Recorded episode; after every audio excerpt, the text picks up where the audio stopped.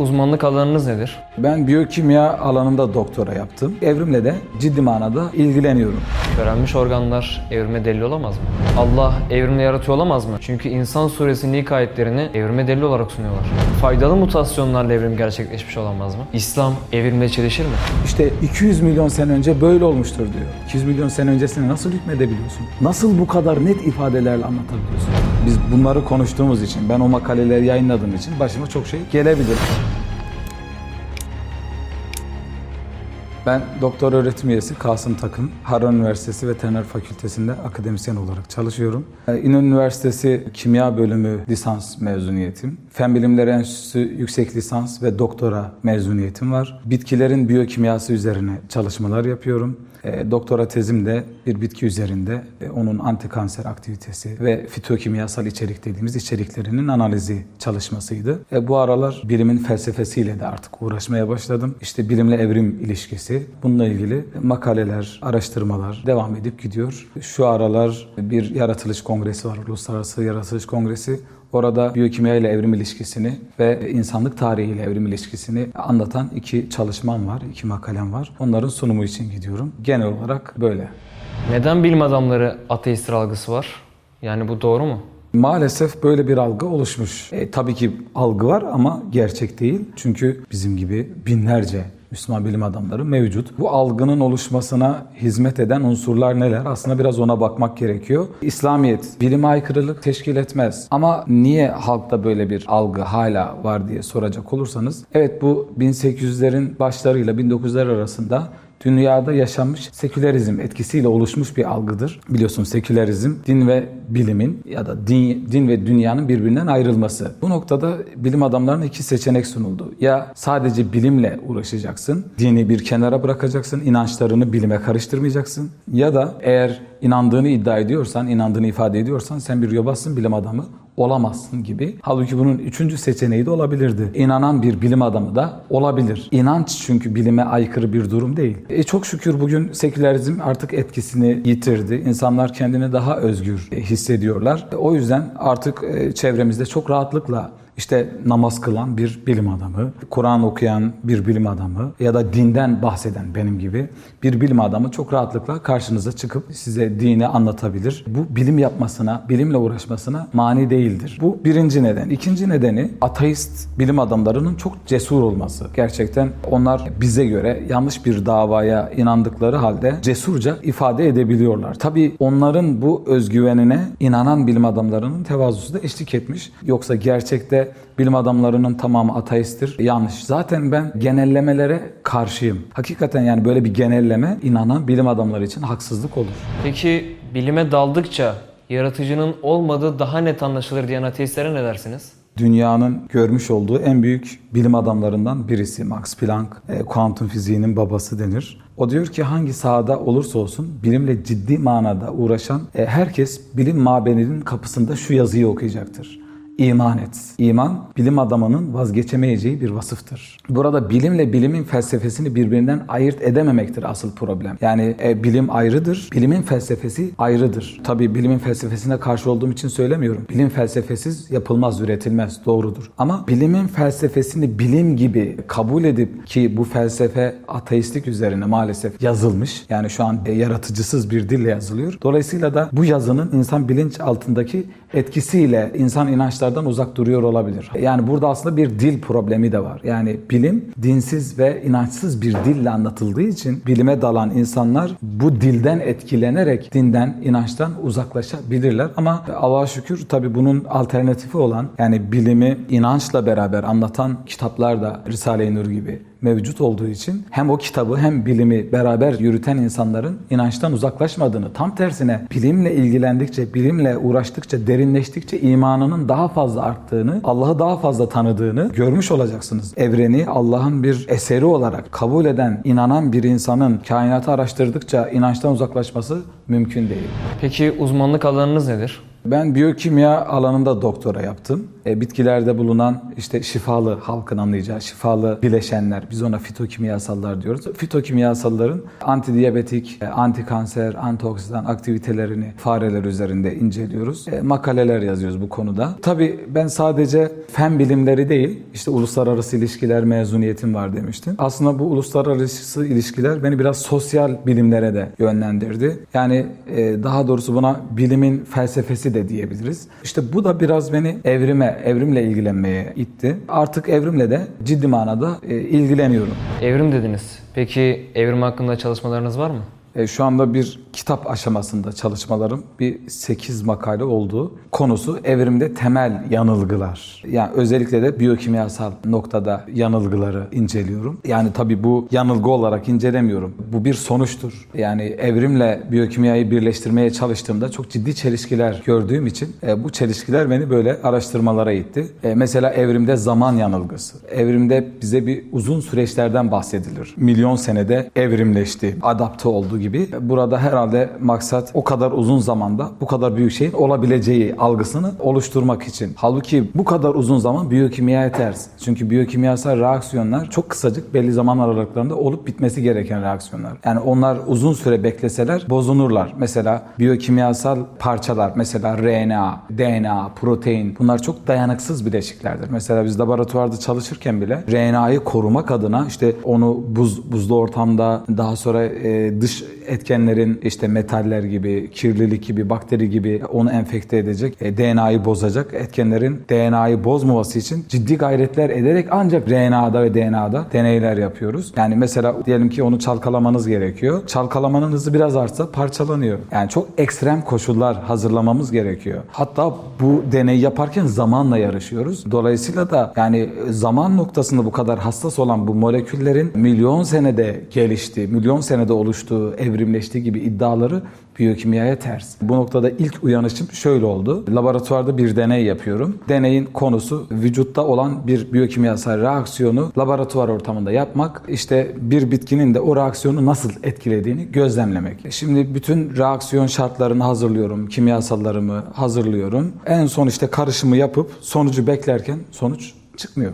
Bir hocama danıştım. Dedim ki hocam bu olmuyor bu reaksiyon. Problem ne? Demir artı 2 kimyasalını kullanıyoruz. O havada bozunuyor. Acaba onu geç mi ekliyorsun? Belki ondandır dedi. Evet dedim. Yani onu ben hazırlayıp bekletiyorum sonra ekliyorum o çözeltiyi hazırlar hazırlamaz deney ortamına eklemeniz gerekiyor. Yani mesela bir 10 dakika beklesin havadaki oksijen o demiri bozuyor. Demir 2'yi demir 3'e yükseltiyor. Dolayısıyla da o reaksiyon gerçekleşmiyor. Çünkü reaksiyonda gereken şey e, demirin artı 2 değerlikli formu. Artı 2 değerlik formu çok dayanıksız. Havadaki oksijen onu bozuyor. Demek ki yani biyokimyasal reaksiyonlar zamanla yarışıyor. Vücuttaki işte fenton reaksiyonlar dediğimiz pek çok reaksiyonda demirin artı 2 değerlikli formu kullanılıyor. Yani siz demir artı 2'nin milyon senede evrimleştiğini söyleyemezsiniz çünkü bunun 10 dakikaya da tahammülü yok. Milyon seneye nasıl tahammül edebilir? E, biyokimyasal reaksiyonlarla evrimsel o uzun süreçlerin beraber yürümeyeceğini, evrimsel süreçler zaman problemi taşıdığını, bunun biyokimyaya uygun olmadığını fark ettim. Bunun üzerine bir çalışma yaptım. İşte kongrede sunduk. Mesela şu anda da bir kongreye gitmek üzere burada bulunuyorum. Orada indirgenemez komplekslik ve evrimsel süreç çatışması diye bir sunum yapacağım. İndirgenemez komplekslik nedir diye sorabilirler. Yani yumurta mı tavuktan çıktı, tavuk mu yumurtadan çıktı? Bir paradoksu vardır. Yani bu sorunun net bir cevabı yoktur. Aynen bu paradoks gibi hücrede, biyokimyasal reaksiyonlarda çeşitli paradokslar var. Mesela DNA mı önce oldu, protein mi önce oldu? DNA mı önce oldu, RNA mı önce oldu? Bu sorulara net bir cevap verilemiyor. Önce bu oldu diyemezsiniz. Diyemiyorsunuz. Niye? Çünkü önce protein oldu derseniz e, bu yanlış bir yargı olur. E, çünkü proteinler DNA'daki kodlara göre üretiliyor. DNA'da belli kodlar var. O proteinin yazılımı DNA'da mevcut. O yazılım proteine dönüşüyor. Dolayısıyla DNA olmadan proteinden bahsedemezsiniz. E önce DNA olmuştur o zaman derseniz DNA dediğimiz o zincir proteinler aracılığıyla dokunuyor. Yani protein yapısındaki enzimler o zinciri teşkil ediyor, oluşturuyor. E dolayısıyla protein olmadan da DNA'dan bahsedemiyorsunuz. Hangi hangisi önce oldu? Burada bir süreçten bahsedemezsiniz. Farklı bir yaklaşım getirilmek durumunda kalmalısınız. Yani evrimsel süreç önce bu oldu, sonra bu buna dönüştü gibi iddialar biyokimyasal temellere uymuyor. Aykırılık teşkil ediyor. İşte bunun gibi yani biyokimya ile evrimin çatıştığı, çeliştiği noktaları makaleye dönüştürüp kongrelerde sunuyoruz. Evrimin bilimle çeliştiğini söylüyorsunuz ama Evrimin yer çekimi kadar kesin bir kanun olduğunu savunanlar var. Bunlara ne diyeceksiniz? Bence burada evrimin tanımında bir problem var. Yani onlar evrimi nasıl görüyorlar? Çünkü bilimsel bir kanun tartışılmaz. Zaten kanundur. Her yerde her şekilde geçerlidir. Deneylerle, gözlemlerle rahatlıkla görülüp incelenebilir. Ama biz evrimle ilgili hiçbir iddiayı laboratuvarda göremiyoruz. Yani şu tür bu türe şu mutasyonlar sonucu dönüştü iddiası evrimin iddiası. Niye iddia diyorum? Kanun değil. Çünkü bu iddia laboratuvarda deneylerle test edilmediği sürece iddia olarak kalmaya devam etmelidir. Ne zaman laboratuvarda test edilir o zaman iddia gerçeğe, kanuna dönüşmüş olur. O zaman artık tartışma biter. Mesela diyorlar ki bu bakteri şu bakteri türüne dönüşmüş. Bu balık karada yürüyen şu hayvana dönüşmüş. Peki bu iddianın bilimsel bir gerçek olması nasıl mümkün olur? Bilimsel metodoloji ortada. Böyle bir iddiayı alırsınız laboratuvarda deneylerle gerçekleştirirsiniz. O zaman bütün iddia biter. Ama biz bugün hala evrimi tartışıyoruz. Tartışmak zorunda kalıyoruz çünkü hiçbir iddiasını ispatlayamamış. Evet çok güçlü iddialar var. Yer çekimi kadar kesin bir kanundur iddiası var. Halbuki bu iddia bile onun bilimsel olmadığını gösteriyor. Niye? Çünkü bilimde kesinlik yoktur. Bilim değişkendir. Bugün bir bulgu deneylerle gösterilir. Yarın başka bir deney o bulguyu değiştirebilir. Bilim değişime açıktır. Eğer siz bilimde kesinlik koyarsanız bu kadar kesindir, bu değişmez artık böyledir derseniz yanılırsınız. Nitekim bilim dünyasında bu tür yanılgılar çok olmuştur. Mesela işte atomun kuramları var. Kimya okuyan herkes bilir. Mesela ilk kuramda denmiş ki atom en küçük parçacıktır, parçalanamaz. Bak bu bilimsel bir iddia. Peki kanun mu? Değil. O zaman öyle kabul edilmiş. Fakat sonradan e, yapılan araştırmalarla atomun aslında en küçük parçacık olmadığı, ondan daha küçük parçaların da var olduğu görülünce bu sefer başka bir yaklaşım getiriliyor. Üzümlü keke benzetiyorlar. Evet içinde parçacıklar var ama tesadüfi bir şekilde parçacıklar dağılmış, belli belirsiz yerlerde duruyorlar denmiş. Buna da belli bir zaman inanılmış ve bu da kesin olarak görülmüş. Ama daha sonra işte Rutherford tarafına yapılan deneylerde aslında parçacıkların düzensiz bir şekilde değil de belli bir düzene göre güneş sistemi gibi işte ortada merkezde pozitif bir yük, onun etrafında dönen negatif yüklerin olduğunu fark ediyor deneylerle. Bakın öbürü de deneyle gözlüyor, bu da deneyle gözlüyor. Daha sonra onu güneş sistemine benzetiyor. Yani elektronların belli bir yörüngede sabit bir şekilde döndüğünü söylüyor. Daha sonra gelen araştırmalar işte Heisenberg gibi belirsizlik ilkesini geliştiren araştırmacılar görüyor ki elektron belli yörüngede değil, bulut gibi. Yörüngesi tam da belli değil aslında. Dalga hareketi yapıyor. Şu an en son modern atom teorisine en yakın şey bu. Fakat bu ileride yine değişebilir. Bakın bilimde kesinlik olmaz. Bu kesindir, bu nettir diyorsa o bilim değildir. İnanç olabilir. Bak inançlar kesindir. Yani inançta bu böyledir. Bunun aksi mümkün değildir. Bu yaklaşım inançta kabul edilebilir ama bilimde kabul edilmez. Ama siz bakıyorsunuz evrimde kesinlik tanımı her yerinde. İşte 200 milyon sene önce böyle olmuştur diyor. Yani Allah aşkına 200 milyon sene öncesine nasıl hükmedebiliyorsun? Nasıl bu kadar net ifadelerle, net tarihlerle yani o zaman da yaşamadığın halde o olayı sanki görmüş gibi net ifadelerle anlatabiliyorsun? Bu bilim olmaz. Bakın mesela biz makale yazıyoruz. E, bilimsel dergilere gönderiyoruz. Yani deney yapıyoruz. Deneyde bulduğumuz sonuçları makaleye yazıyoruz. Kesin diller kullanınca reddediyor hakemler. Diyor ki böyle kesin dil kullanamaz. Mesela bu e, bitki antikanserdir. Kanseri iyileştirir diyemezsin. İyi bir antikanser olabilir demen gerekiyor. Ama biz evrimle ilgili şeylerde çok net diller görüyoruz. Yani fen bilimlerindeki yapılan analizlerde, yapılan deneylerde ihtimalli dil kullanılırken ki bu olması gerekendir. Çünkü bilim sürekli değişir. Bakın fizik kaç kere değişmiş değil mi? Yani işte klasik fiziğe eğer kesin olarak bakılmış olsaydı kuantum fiziğine bugün ulaşamazdık. Dolayısıyla bilim kesinlik ifade etmez. Eğer bir iddia bilim adına kesin olarak anlatılıyorsa o bilim değildir, inançtır dememiz gerekiyor. Aslında özetle şöyle diyebiliriz. Evrim bilim değil, inançtır, bir yaklaşımdır. Bizimle aslında evrimcilerle problemimiz burada başlıyor. Yani onlar evrimin her haliyle, her şekliyle bilimsel olduğunu iddia ediyor ve karşı tarafta inanan insanları da bilim dışı olarak görüyor. Onlar şöyle deseler,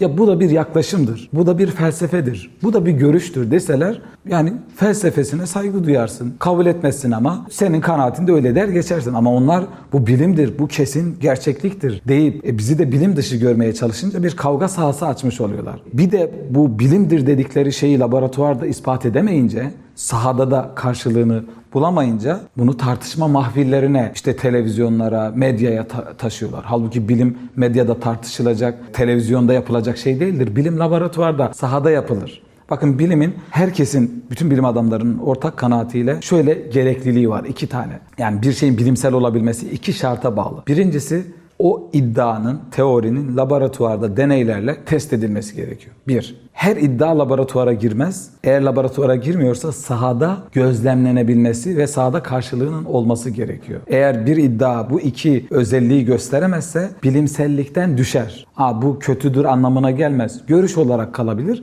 ama bilimsel bir gerçeklik halini alamaz. Halbuki evrim iddiaları 100 yıldan daha fazla, daha uzun bir zamandır ortalıkta dolaşıyor. Neden insanlar bunu laboratuvara getirip olayı bitirmiyorlar da hala tartışmaya devam ediyorlar? Yani bu çok büyük bir çelişki. Laboratuvarda yapılmıyor da değil.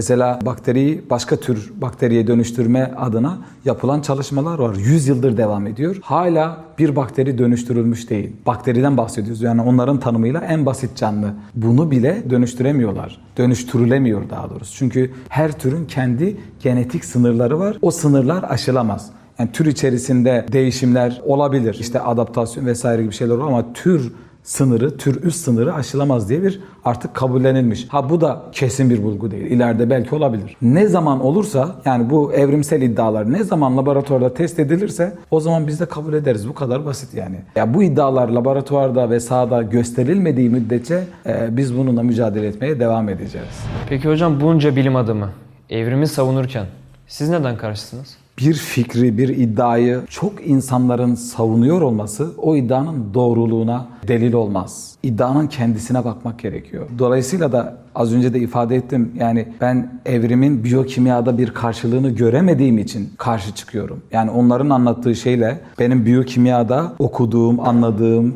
laboratuvarda test ettiğim şeyleri kıyaslıyorum, karşılaştırıyorum, bakıyorum. O iddialar bu biyokimyaya uymuyor. Dolayısıyla da e, bu uyumsuzluk beni bu noktaya getiriyor. Yoksa kimseyle bir alıp veremediğimiz yok. Yani onlarla da bir düşmanlığımız da yok yani evrimcilerle filan. Yani onlardan ciddi bilim adamları da var. Bilime hizmet etmiş insanlar da var. Onların bu bilimsel yönlerine saygı duyuyoruz. Biz sadece onların felsefesine, görüşüne karşı çıkıyoruz. Bunun nedeni de evrim görüşü bir felsefe, bir yaklaşım olduğu halde e, bilim gibi sunulup altından özellikle gençleri deist ve ateist yapma gibi bir maksadın güdüldüğünü fark ettiğim için buna karşı mücadele etme zorunluluğu hissediyorum. Yani bunun uluslararası ilişkiler boyutu, küreselleşmenin sosyolojik boyutunda işte insanlar aynı şeye aynı şekilde reaksiyon versin, tepki versin yaklaşımı var. Buna hizmet edecek unsurlardan birisi de işte ortak bir din gibi deizm geliştirilmek isteniyor ve bunun için ciddi yatırımlar var, projeler var ve gayret var. Ben bunu fark ettiğim için yani deizme kaymasın diye gençler. Çünkü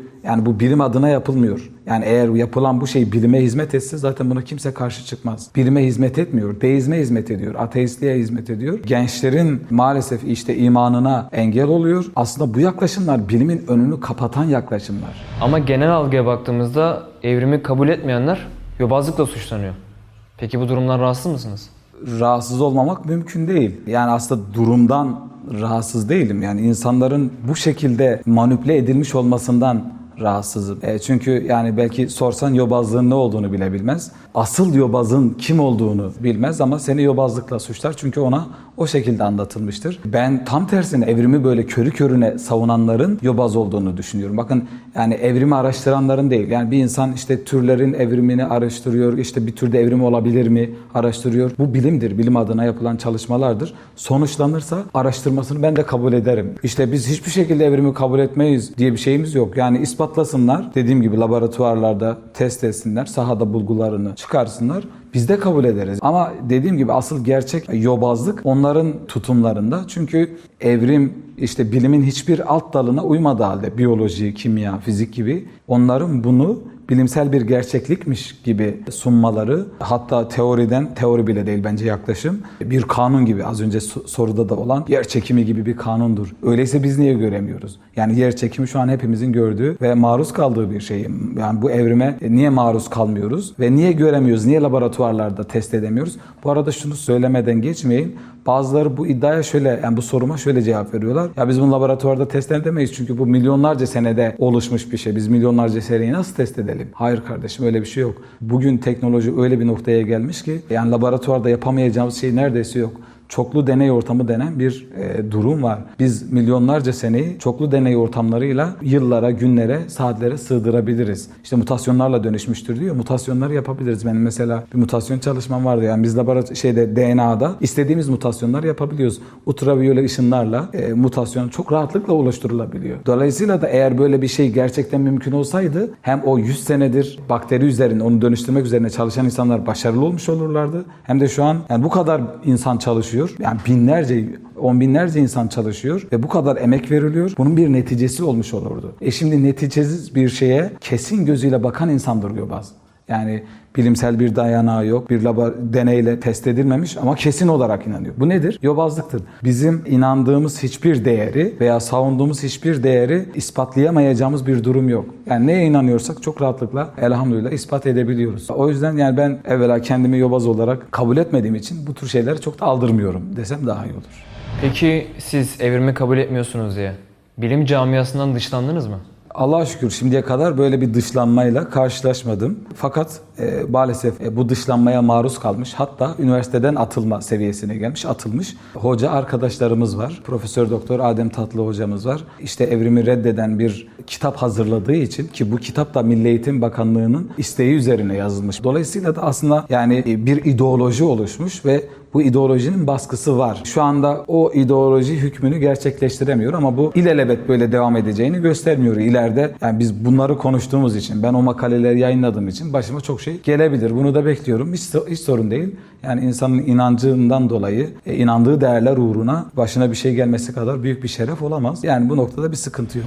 Peki İslam evrimle çelişir mi? İslam hakikat olmayan, gerçekliği olmayan her şeyle çelişir. E, evrimin de bir hakikati ve gerçekliği olmadığı için İslam'da çelişmesi kadar doğal bir durum olamaz. İslam evrimle çelişir, bilimle çelişmez. Bak bu ayrımı çok iyi yapmak gerekiyor. Evrim bilim değildir. Bir e, bilim felsefesidir, bir görüştür. Evet fevkalade evrimle çelişiyor. Yani bunun hem gerçeklikle alakası olmaması noktasında çelişme durumu var. Hem de evrimin anlattığı şeylerle İslam itikadının uyuşmaması noktasında çelişkiler var. Mesela işte evrim yaratmanın, vücuda gelmenin sebepler aracılığı aracılığıyla ya da kendi kendine ya da işte mutasyonlarla tesadüfen oluştuğunu söylerken İslam yaratmanın her aşamasının Allah tarafından mesela Kur'an'da bununla ilgili onlarca ayet var. Mesela Tin suresi e, ve tin ve zeytun ve duri ve hazel beledil emin. Lekad halaknal insane fi ahseni takvim.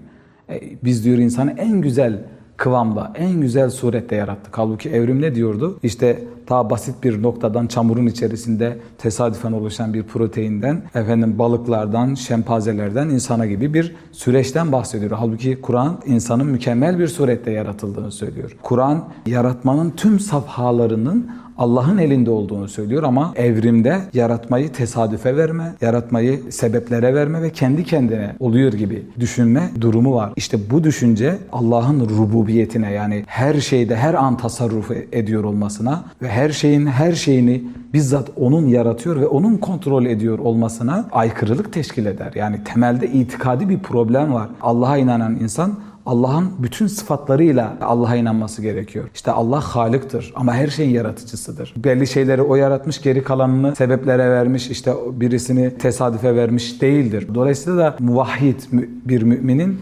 evrimi kabul etmesi gibi bir şey olamaz. Bu İslam'ın itikat esaslarıyla bir çelişkidir. İşte bu çelişkiden dolayı İslam evrimi reddeder. Peki Allah evrimle yaratıyor olamaz mı? Çünkü İnsan suresinin ilk ayetlerini evrime delil olarak sunuyorlar. Evet o ayetleri biliyorum. Kesinlikle o ayetlerden öyle bir mana çıkarılamaz. Ne diyor ayetler? Hel eta alel insani hinun mined dehri lem yekun şey'en meskura. İnna halaknal insane min nutfetin emşac. Bakın burada Arapçaya hakim olmama ve ayeti tahlil etme yeteneğinden eksik olma durumundan evrime delil gibi sunmaya çalışma durumu var. Nasıl? İşte bu ayeti alıyorlar. Diyorlar ki inna halaknal insane min nutfetin emşac. Ayet diyor ki şüphesiz biz insanı katışık bir meniden yarattık. Burada bir soru soruyor müfessir güya. Diyor ki insan diyor. Peki Hazreti Adem insan değil mi? Evet. E, insanın nutfeden yaratıldığını söylüyor ayet.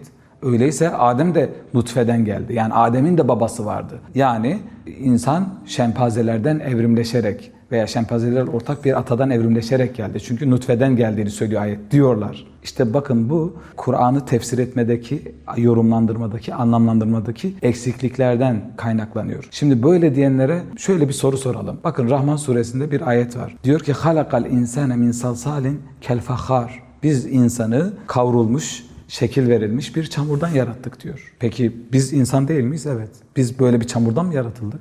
Hayır. E ama insan diyor. Bakın orada da insan dedi. Burada da insan dedi. İşte belagatta böyle bir kayda var. Kelime cümle içerisinde farklı anlamlar ve bağlamlar kazanabilir. Bağlamında değerlendirilmesi gerekiyor. İşte insan suresinde halaknahum min, min nutfetin emşaç dediği o nutfeden yaratılan insan Hazreti Adem'den sonra gelen insan. Kasıt odur.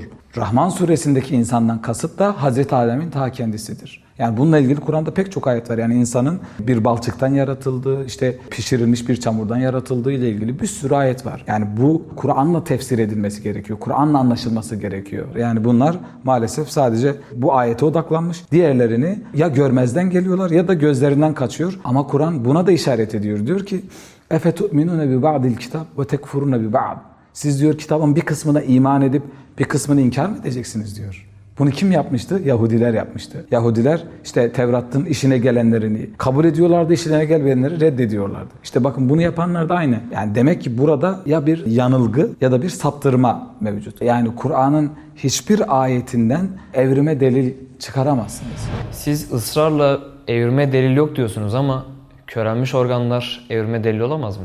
Hayır, tam tersine delil. Aslında evrimin bilimsel olmadığına en güzel delillerden birisi körelmiş organ iddiasıdır. Bakın körelmiş organ yok. Bu körelmiş organ iddiası 1890'lı yıllarda Robert Withersheim tarafından ortaya atılmış. Özellikle yani belki daha önce de söylemiş ama o kitabında bunları yazmış. Hatta 86 tane organı körelmiş diye listelendirmiş. Öyle ileri gitmiş ki mesela bugün bizim hayati organ dediğimiz işte tiroid bezleri gibi, epifiz bezi gibi çok hayati organlar bile o listenin içerisinde. Bugün bakın o listeden sadece 4-5 tane evrimcilerin hala körelmiş diye iddia ettiği 4-5 tane organ kalmış. Geri kalan 80 organ nerede? Bunların vazifeleri anlaşıldı. Körelmiş olmadıkları anlaşıldı ama bunlar belki daha bunlar anlamadıkları için hala ısrar ediyorlar. Ben onların da körelmiş olmadığını anlatabilirim. Makalemde de yazdım. Dedim ya bu aslında bilime aykırılık teşkil eden bir nokta. Niye? Aslı körelmiş organ iddiası şuradan çıkıyor. Onlar bir organı inceliyorlar. Bakıyorlar hiçbir görevi yok. Yani gözlemlerine dayanarak diyorlar ki ya bu organın hiçbir görevi yok. Öyleyse körelmiştir. Bakın bu yaklaşım bilime ters. Bilimde önemli olan ilerlemektir. Araştırmayı devam ettirmektir. Ön açıcı yaklaşımlar getirmektir. Böyle deyince araştırmanın önünü kesmiş oluyorsunuz. Bir organa körelmiş deyince artık onunla ilgili daha bir çalışma yapmanıza gerek yok. Halbuki biz şu an bu organın vazifesini, görevini bilmiyoruz. Ama ileride biraz daha teknikler geliştirilerek, cihazlar daha geliştirilerek bu organın görevleri, vazifeleri ortaya çıkarılabilir diye yaklaşım olsa bilime daha çok hizmet etmez mi? Nitekim öyle de olmuş. Allah'tan bilim adamları bu körelmiş organ iddiasına inanmamışlar da çalışmalarını devam ettirip bu organların vazifelerini ortaya çıkarmışlar. Mesela işte tiroid bezlerinin metabolizma dengesinde ne kadar önemli işlevleri olduğu, işte enerji metabolizmalarına ne kadar etkilediği ve de mesela epifiz bezinin melatonin hormonu gibi hem antikanser hem antioksidan hem de o uyku saati dediğimiz değil mi insanın e, uykusunu düzenleyen yani o hormonu üreten önemli bir organ olduğunu e, ve diğerlerinin de hepsinin ayrı ayrı işlevlerinin olduğunu ispatlamışlar. Ama hala apandisin ve kuyruk sokumunun körelmiş organ olduğu söyleniyor.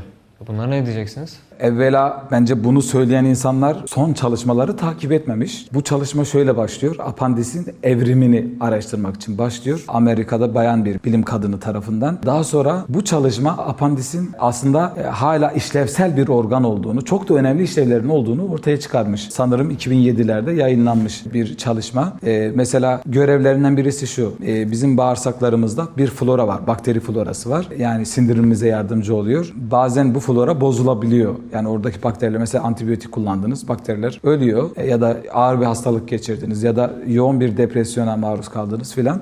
Bu tür durumlarda flora zedeleniyor. Apandis depo görevi görüyor. Florada eksik olan mikroorganizmaların tekrar oraya katılmasını sağlıyor. Yani orası sürekli bir depo olarak görev yapıyor. Tek görevi bu değil. Zaten bu kolonun oluşması için öncülük yapıyor. İlk baştaki görevi bu. Daha sonra da floranın sağlıklı bir şekilde devam edebilmesi ve ihtiyaç durumunda desteklenebilmesi için depo görevi görüyor. Tek görevi bu da değil. Lenf sistemiyle mesela insanın mikroorganizmalara karşı savunma sistemiyle ciddi bağlantıları olduğu o çalışmada ifade ediliyor. İşte kuyruk sokumu kemiği o bölgedeki kasların tutunma noktası. Yani kuyruk sokumu kemiğin başına bir şey geldiğinde çok ciddi ortopedik sıkıntılar ortaya çıkıyor. Yani bir insan kuyruk kemiği olmasa ayakta duramaz. Ya o kadar önemli bir organa, bu kadar işlevsel bir organa nasıl körelmiş diyebilirsiniz. Şuradan gelmiş körelmiş. Hani onların iddiasına göre işte e, şempanzelerle ortak bir atadan, kuyruklu bir hayvandan evrimleştiğimiz iddia ediliyor ya. Aslında o iddianın ispat çabasıdır bu. Yani önce kuyrukluyduk, daha sonra kuyruk işlevini kaybetti. Kuyruk bir şekilde işte bir yere sıkıştı ya da bir şekilde kayboldu. Ondan sonra gelen nesiller kuyruksuz geldi. Bakın burada bile bilime aykırılık teşkil eden bir sürü nokta var. Çünkü somatik hücrelerdeki değişiklikler nesillerden nesillere aktarılamaz. Bir değişiklik ancak eşey hücrelerde yani işte o nutfe dediğimiz sperma, yumurta dediğimiz o hücrelerde olursa değişiklik nesilden nesile aktarılabilir. Yoksa kuyruğunun kesilmesi diğer gelecek nesillerin kuyruksuz olacağı anlamına gelmez ki bunu bile deneyle ispatlamaya çalışmış bir bilim adamı. İşte laboratuvarda fareleri alıyor, kuyruklarını kesip çiftleştiriyor. Sonra doğan farelere bakıyor acaba kuyruksuz olacak mı diye. Bakıyor yine kuyruklu doğdu. Tabi o zaman daha genetik gelişmemiş. İşte bu somatik hücrelerdeki değişikliğin eşi hücrelerini etkilemeyeceği bilinmiyor. Bir daha yapıyor, bir daha yapıyor. 50 nesil kesiyor. 50. nesilde yine kuyruklu bir şekilde meydana geliyor. Anlıyor ki bu boş bir iddia. Yani aslında bu iddianın geldiği nokta da bu. Yani kör bir yaklaşım. Yani bilimle çakışıyor. Şimdi bilimsel bir iddia bilimin bütün disiplinlerine özellikle ilgili olduğu disiplinlere uygun bir iddia olmalı. Yani bir iddia eğer biyolojiye aykırılık teşkil ediyorsa o iddianın gerçek olma şansı yok. O zaman her iddianın gerçekliğini araştırmak gerekiyor. Bakın ilginçtir. Bizim insanımız işte ateistlerin iddialarını o kadar sorgulamıyorlar. Yani bilim adamı diye kabul edip yani yalan söyleyecek, yanıltacak hali yok ya deyip araştırmıyor. Mesela aynı şeyi biz söylesek 50 yere sorar, araştırır, eleştirir. Çok güzel araştırsın, eleştirsin. Ben mesela liselere, seminerlere gidiyorum. Gençler çok sert eleştirilerde bulunuyor. Hoşuma da gidiyor. Yani beni yeniliyor, bilgilerimin güncellenmesini sağlıyor. Ama ben onlardan aynı eleştirileri, aynı cesareti inanmayan e, bilim adamlarına karşı da gösterip onların da iddialarını sorgulamalarını istiyorum. Yani gerçek mi değil mi? Acaba gerçekten olabilir mi? Deney yapılmış mı? ispatlanmış mı? Bunu sorgulamaları gerekiyor. Şempanzelerle %96 genetik benzerliğimiz var. Yani %4 gibi küçük bir fark var. Bu zamanla kapanmış olamaz mı? Yani ortak adadan geldiğimizi göstermez mi? Aslında burada bir yanılgı var. Yani farkın küçük olduğu görülüyor. Ama gerçekte fark küçük değil. Eğer fark yüzün dördü kadar olsaydı eyvallah dörtlük bir fark kapanabilir. Ama burada fark yüzde dört. İnsan genomunda 3,5 milyar olduğunu söyleyenler de var ama en az 3 milyar genetik harf var. 3 milyarın yüzde dördü ne yapar? 120 milyon. Yani aslında bizim şempanzelerle farkımız 120 milyon harflik bir farka tekabül ediyor. E, dolayısıyla da yani fark 4 değil 120 milyon. Matematiksel olarak böyle bir ihtimal mümkün mü? Yani milyonlarca senede bu fark kapanabilir mi? Bakın genlerimizde 4 tane genetik harf var. 4 farklı harf. Adenin, guanin, timin, sitozin. Dört farklı harften 120 milyon pozisyonluk bir ihtimalin kapanıp kapamayacağını hesaplayalım. Ne yapar bu? Yaklaşık 4 üzeri 120 milyon yapar. Bunu onlu sayıya çevirmiş olursak yaklaşık herhalde 10 üzeri 82 milyon gibi bir şey yapıyor. Yani onun yanına 82 milyon tane sıfır koyacaksınız. O kadar da bir ihtimal işte. Bakın onun yanına 6 sıfır koyduğunuzda milyon, 9 milyar, 12 trilyon, 15 katrilyon, 82 milyon tane sıfır koyuyorsunuz. Oluşacak sayının büyüklüğüne bakın.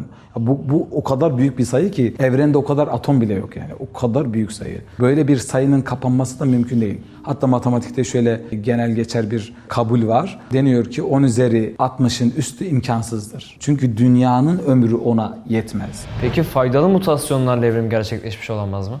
Faydalı mutasyon. Mutasyonun yapısına aykırı faydalı olmak. Biz genellikle mutasyon deyince biyokimyada bozulma, dizilimde hata gibi tanımlar anlıyoruz. Ve şimdiye kadar da faydalı bir mutasyona rastlanılmamış. Şöyle bir şey var. Bazen canlıdaki bir tekamül mutasyon olarak adlandırılabiliyor ki burada tanımlama eksikliği ve yanlışlığı var. O mutasyon değildir. Ne? Mesela bakterilerin direnç göstermesi. Onlar geliştirmesi olarak söylüyorlar ki bu geliştirme ifadesi de yanlıştır. Bakterinin mesela sıcağa ya da antibiyotiğe direnç göstermesine faydalı mutasyon örneği olarak veriyorlar. Halbuki mutasyon genetik dizilimindeki harflerden birinin yerinin değişmesi ya da genetik dizilimdeki mesela adenin yerine timin gelmesi gibi bir harf değişikliğidir. Ve bu dizilimdeki harf değişikliği genellikle yanlış protein oluşumlarına neden olduğu için ki bu bir e, yazılımdır. Nasıl ki yazılımda bir kod yanlış girilirse onun oluşturacağı program yanlış sonuçlar vereceği gibi aynen böyle de genetik sıralamadaki dizilim değiştiği zaman yanlış sonuçlar üreteceklerdir ki bunun biyokimyada zaten biz konu olarak da anlatıyoruz. Yanlış protein katlamalarına e, neden oluyor. Genellikle genetik hastalıklar hep mutasyon sonucu ortaya çıkar. O yüzden yani böyle hastalık ortaya çıkaran bir şeyin faydalı olması şimdiye kadar gözlenmemiş. Ha bundan sonra gözlenebilir mi? Bilemiyoruz. Yani belki gözlenenir. O zaman faydalı mutasyondan bahsedebiliriz. Peki bakteriler nasıl direnç gösteriyorlar? Ya burada direncin mekanizması birkaç mekanizması var. Bunu mikrobiyologlar daha iyi biliyor. Mesela o mekanizmalardan birisi şu. Bakterilerden bakterilere direnç genleri aktarılıyor. Bu da bir mühendislik eseri. Yani Cenab-ı Hak o bakterileri öyle yaratmış ki eğer o iki bakteri yan yana gelirlerse ve o ilaç da ortamda bulunursa e, iki bakteri bir araya geliyor. Aralarında bir köprü oluyor. Yine daha önceden tasarlanmış bir programla dirençli bakterideki gen dirençli olmayan bakteri, e, bakteriye aktarılıyor. Onun genine eklemleniyor. Dolayısıyla da o bakteri de artık direnç kazanmış hale geliyor. Şimdi burada nerede mutasyon var? Bakın gen harflerinin değişmesi değil, gen parçası, ilgili gen bölgesi tam bir mühendislik sonucu dirençli bakteriden direnç dirençli olmayan bakteriye transfer ediliyor. Bu bir mutasyon değildir. Geliştirme de değil. Kesinlikle dirençle ilgili bir gen bölgesinin olması lazım. Mesela diyelim ki sıcağa dayanıklı bakteri. Yani her bakteri sıcağa dayanıklı değil ama sıcakta da yaşayan bakteriler var. Peki bunlar nasıl yaşıyorlar? O bakterilerde sıcakla ilgili direnç sağlattıracak protein bölgeleri var genlerinde. Yani sıcakla karşılaşır karşılaşmaz e, heat shock proteinleri dediğimiz proteinler üretiyor. O proteinler bakterinin etrafında bir kılıf oluyor ve e, yalıtım sağlandığı için bakteri hayatına devam ediyor. Peki bu nasıl mümkün oldu? Genlerinde o durumla ilgili bir şey daha önceden programlanmış ve ona bir cevap üretilmiş olduğu için. Yani bakın bu geliştirme, mutasyon değildir. Var olanın açığa çıkmasıdır ki biz buna tekamül diyoruz. Ama maalesef bunu evrim gibi anlatmaya çalışanlar var. Evrim değişmeyi, başkalaşmayı ifade eder. Burada bir değişme, başkalaşma yok. Burada tekamül var. Yani programında var olanın açığa çıkma durumu var. Dolayısıyla da bu da bir yaratılıştır. Yani anlattıklarınıza göre evrimli olmadığını anlıyoruz. O zaman neden batılı bilimciler evrimi bu kadar savunuyor?